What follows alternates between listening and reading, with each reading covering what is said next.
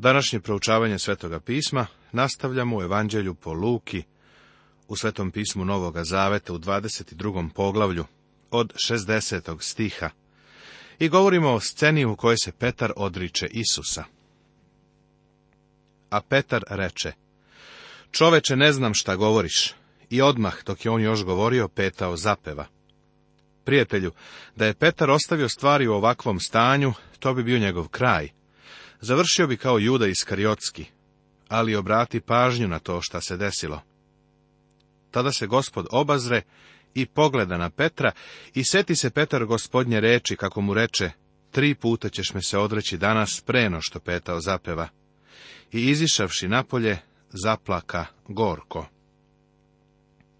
Simon Petar je voleo Isusa i bio je iskren kada mu je obećao svoju odanost, ali nije poznavao sobstvene slabosti još nije došao do mesta na kome više u telu nije uviđao nikakvo dobro. Petar je plakao, to su bile suze iskrenog pokajanja. Svako dete Božije može da se vrati Bogu. Ako ispovedamo svoje grehe, on je veran i pravedan, da nam oprosti grehe i očisti nas od svake nepravednosti. Simon Petar je bio loš koliko i Juda. Nije prodao Isusa, ali ga se odrekao. Razlika između Jude i Petra je u tome što se Petar pokajao? Gospod se molio da Petrova vera ne posustane. Isusa ismejavaju i tuku, a ljudi koji su ga držali, rugali su mu se i udarali su ga, pokrili su ga i pitali, proreci ko te je udario. Govorili su i mnoge druge hule na njega. Prvosveštenici i starešine su odveli Isusa u Aninu kuću. Bilo je nezakonito držati Hrista bez optužbe, ali su ga oni zadržali dok su na sastanku Sinedriona formulisali optužbu. Vidiš, uhapsili su ga pre nego što su imali plan. Zanimljivo je da nisu nameravali da ga uhvate tako brzo kao što su učinili.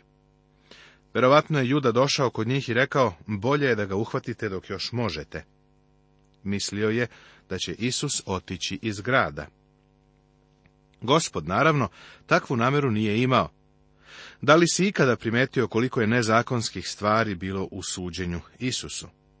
Religiozne vođe su ga uhapsili radi kršenja Mojsijevog zakona, a oni su prekršili zakon, pokušavajući da mu sude noću i sprovodeći odluku istog dana kada su Isusu sudili, što je isto tako bilo nezakonito. Prvosveštenik je također pocepao svoju odoru, što je zakon naročito zabranjivao. Religiozne vođe su Isusa predale u ruke vojnika, sve dok se nije podigla optužnica protiv njega. Ako su nameravali da donesu smrtnu presudu za zatvorenika, vojnici su sa njim igrali igre. Igra koju su igrali sa gospodom zove se igra crvenih rukavica. Svaki vojnik bi udario pesnicom u glavu zatvorenika kome su bile vezane oči. Samo ga jedan ne bi udario. Zatim bi mu skidali povez sa očiju i on je trebalo da pogodi koji vojnik ga nije udario. Kad su završili sa njim, gospod se sigurno zastrašujući izgledao. Ovo je jedan od razloga zašto nije mogao da nosi krst. Isus je izveden pred Sinedrion. A kad se razdanilo, okupiše se narodne starešine, prvosveštenici i književnici, pa ga odvedoše na svoj skup, govoreći, ako si ti Hristos, kaži nam. A on im reče, ako vam kažem, nećete poverovati. Ako pak zapitam, nećete odgovoriti. Od sada će sin čovečiji sedeti s desne strane sile Božije. Sinedrion je Isusu postavio dva pitanja. Prvo je bilo, jesi li ti Hristos? Da je gospod odgovorio sa da, mogao je biti osuđen za verolomstvo. Jer svako ko je tvrdio da je Mesija, Rim je smatrao kao potencijalnu opasnost. U psalmu 110. otac govori sinu, sedi meni s desne strane, dok položim neprijatelje tvoje za podnožje nogama tvojim. On je car nad carevima i gospod nad gospodarima. Tada svi rekoše, ti si dakle sin Božiji. On im pak reče, vi kažete da sam to ja. Evo druge optužbe. A oni rekoše, šta nam je još potrebno svedočanstvo? sami smo čuli iz njegovih usta. Na osnovu ovoga su se složili da ga razapnu. Međutim, obrati pažnju na to da sa tom optužbom nisu izašli pred rimski sud. Kada su izišli iz jevrejskog suda i zaputili se ka rimskom, promenili su optužbu. Poglavlje 23. Dajući izveštaj o Isusu pred Pilatom, o raspeću i Hristovom pogrebu, Luka prati ostala sinoptička evanđelja. Jedino Luka spominje i to da je Isusa Irodu poslao Pilat.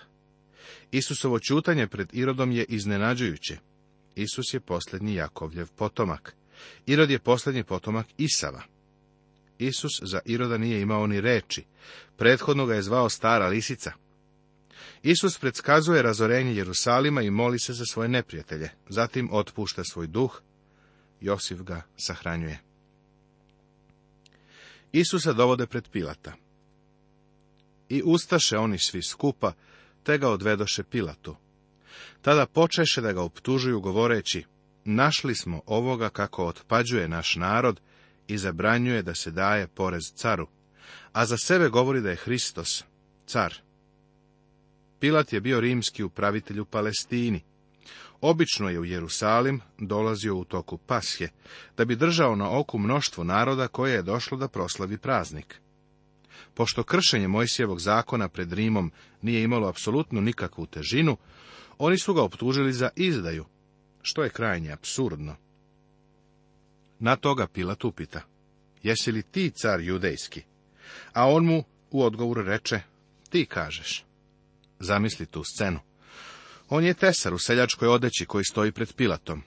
Jevrejske verske vođe su ga uhapsile. Pilat mu postavlja pitanje koje, uveren sam, zvuči besmisleno, jesi li ti car judejski? Isus odgovara, ti kažeš, ili tako je kako ti kažeš. Ovo je bilo jasno iznošenje činjenice i Pilat je želeo da ga pusti. Pilat pak reče prvosveštenicima i svetini, ne nalazim nikakve krivice na ovom čoveku. Pilat govori da Isus nije počinio nikakvo nezakonito delo radi kojeg bi bio optužen. Ali oni navaljivahu govoreći, on buni narod učeći po svoj judeji, počevši od Galileje pa dovde. Sada verske vođe optužuju Isusa da je poveo pobunu. Rekli su da se pobunio protiv ustanovljene vlasti. Isusa dovode pred Iroda, Varava biva oslobođen. Čuvši Pilat to, upita da li je taj čovjek Galilejac. I kad dozna da je iz Irodova područja, posla ga Irodu, koji je tih dana također bio u Jerusalimu. Pilat je želeo da se oslobodi zamke. Pošto je Galileja bila pod Irodovom jurisdikcijom, a Irod je također bio u Jerusalimu, Pilat je njemu poslao Isusa. Mislim da nije slučajno što se Irod tada zatekao u Jerusalimu. A kad Irod vide Isusa, obradova se vrlo, jer je odavno želeo da ga vidi, zato što je slušao o njemu i nadao se da će vidjeti kakvo čudo od njega. Pre ovoga, Isus je farisejima rekao da Irodu prenesu sljedeću poruku. Idite i kažite toj lisici, evo, isterujem demone i isceljujem danas i sutra, a treći dan ću svršiti. Irodova radoznalost u vezi sa Isusom je bila podstaknuta, pa je želeo da ga vidi. I pitao ga je mnogim rečima, ali mu on ne odgovori ništa. Gospod za Iroda nije imao ni jednu reč. Irod je bio stara lisica. On je prošao tačku povratka. Na putu je ka izgubljenoj večnosti. On je član ozloglašene Irodovske porodice i gospod se ne trudi da ga dosegne. Prvosveštenici pak i književnici su stajali i optuživali ga uporno.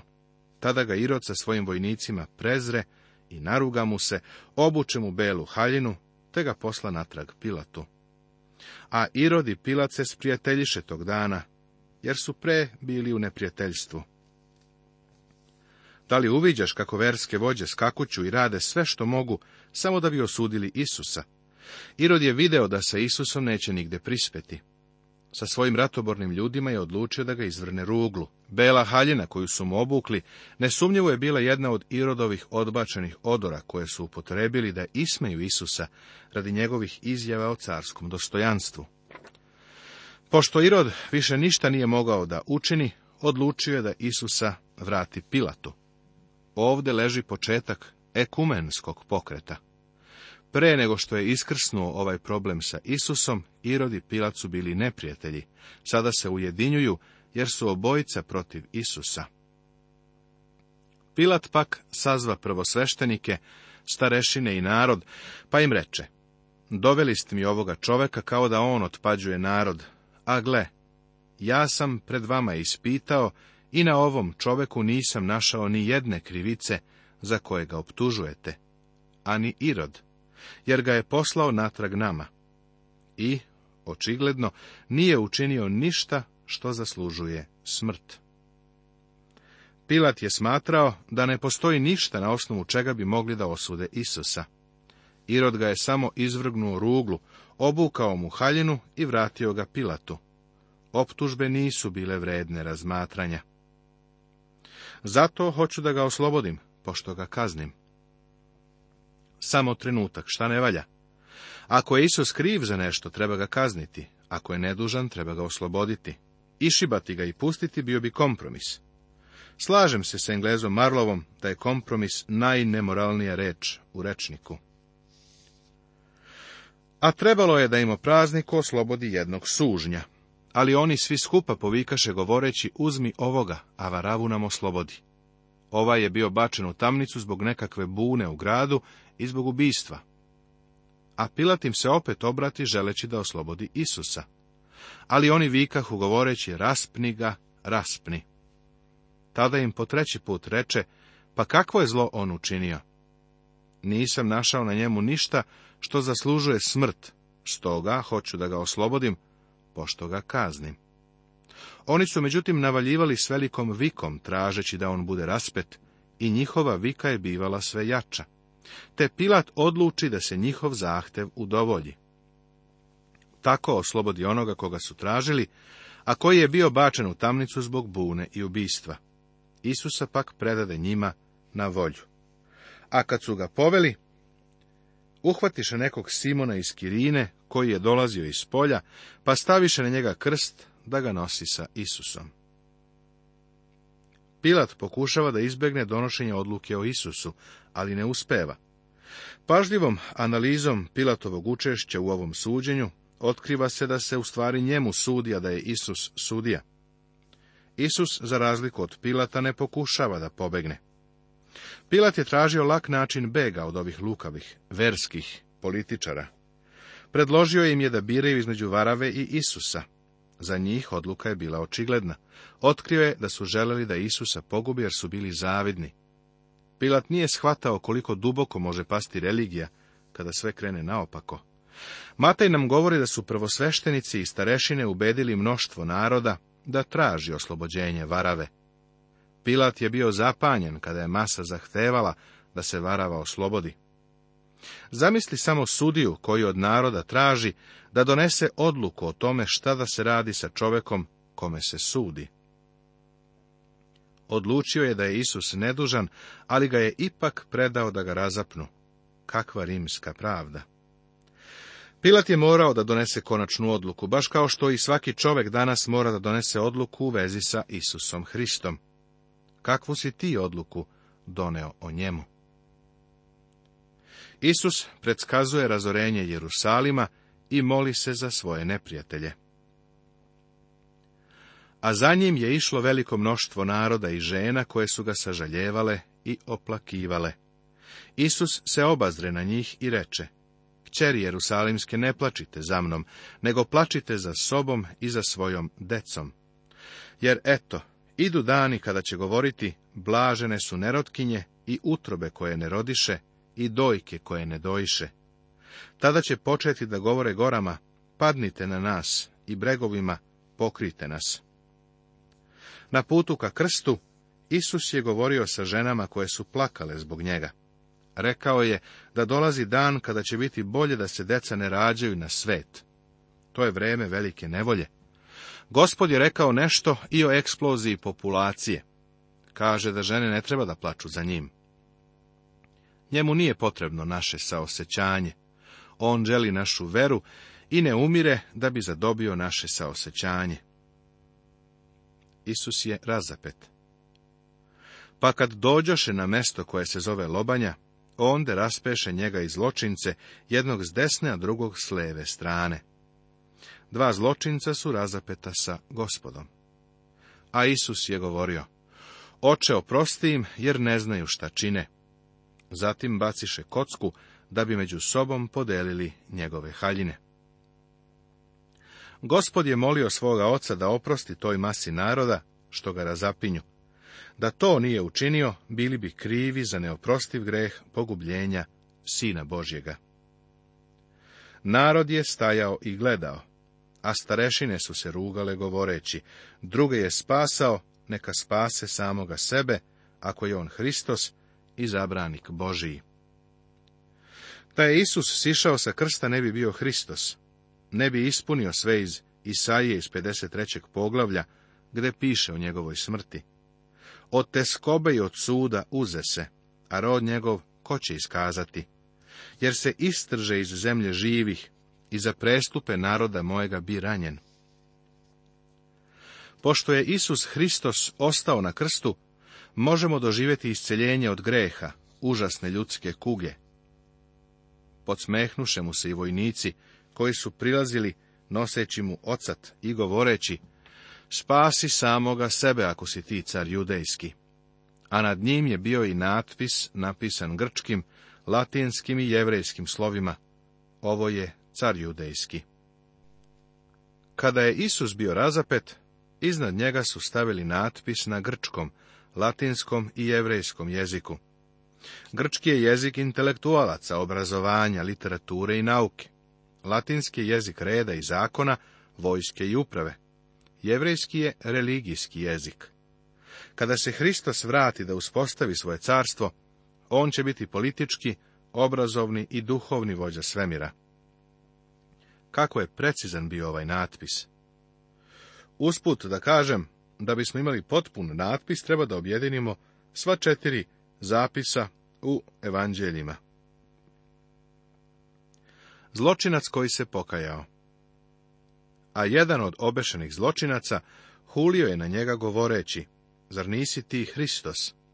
Spasi samoga sebe i nas.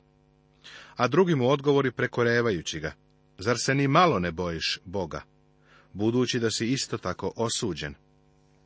I mi smo pravedno osuđeni jer primamo što naša dela zaslužuju. Ovaj, međutim, nije učinio ništa neumesno.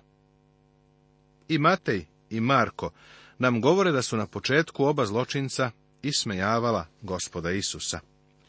Ali u toku šest sati koje su proveli na krstu, posebno poslednja tri sata, jedan zločinac je video da se nešto neobično dešava uvideo je da ovaj koji umire na krstu ne umire zbog sebe, nego zbog drugih. Iako je znao da je varava trebao da bude na tom krstu, izgleda da je shvatio da Isus umire za njega. Razumeo je da se tu dešava transakcija između Boga i tog čoveka na krstu i da je čovek na krstu bio Bog. Tada mu se verom okrenuo. I reče, Isuse, seti me se kad dođeš sa svojim carstvom. A on mu reče, zaista, kažem ti, danas ćeš biti sa mnom u raju.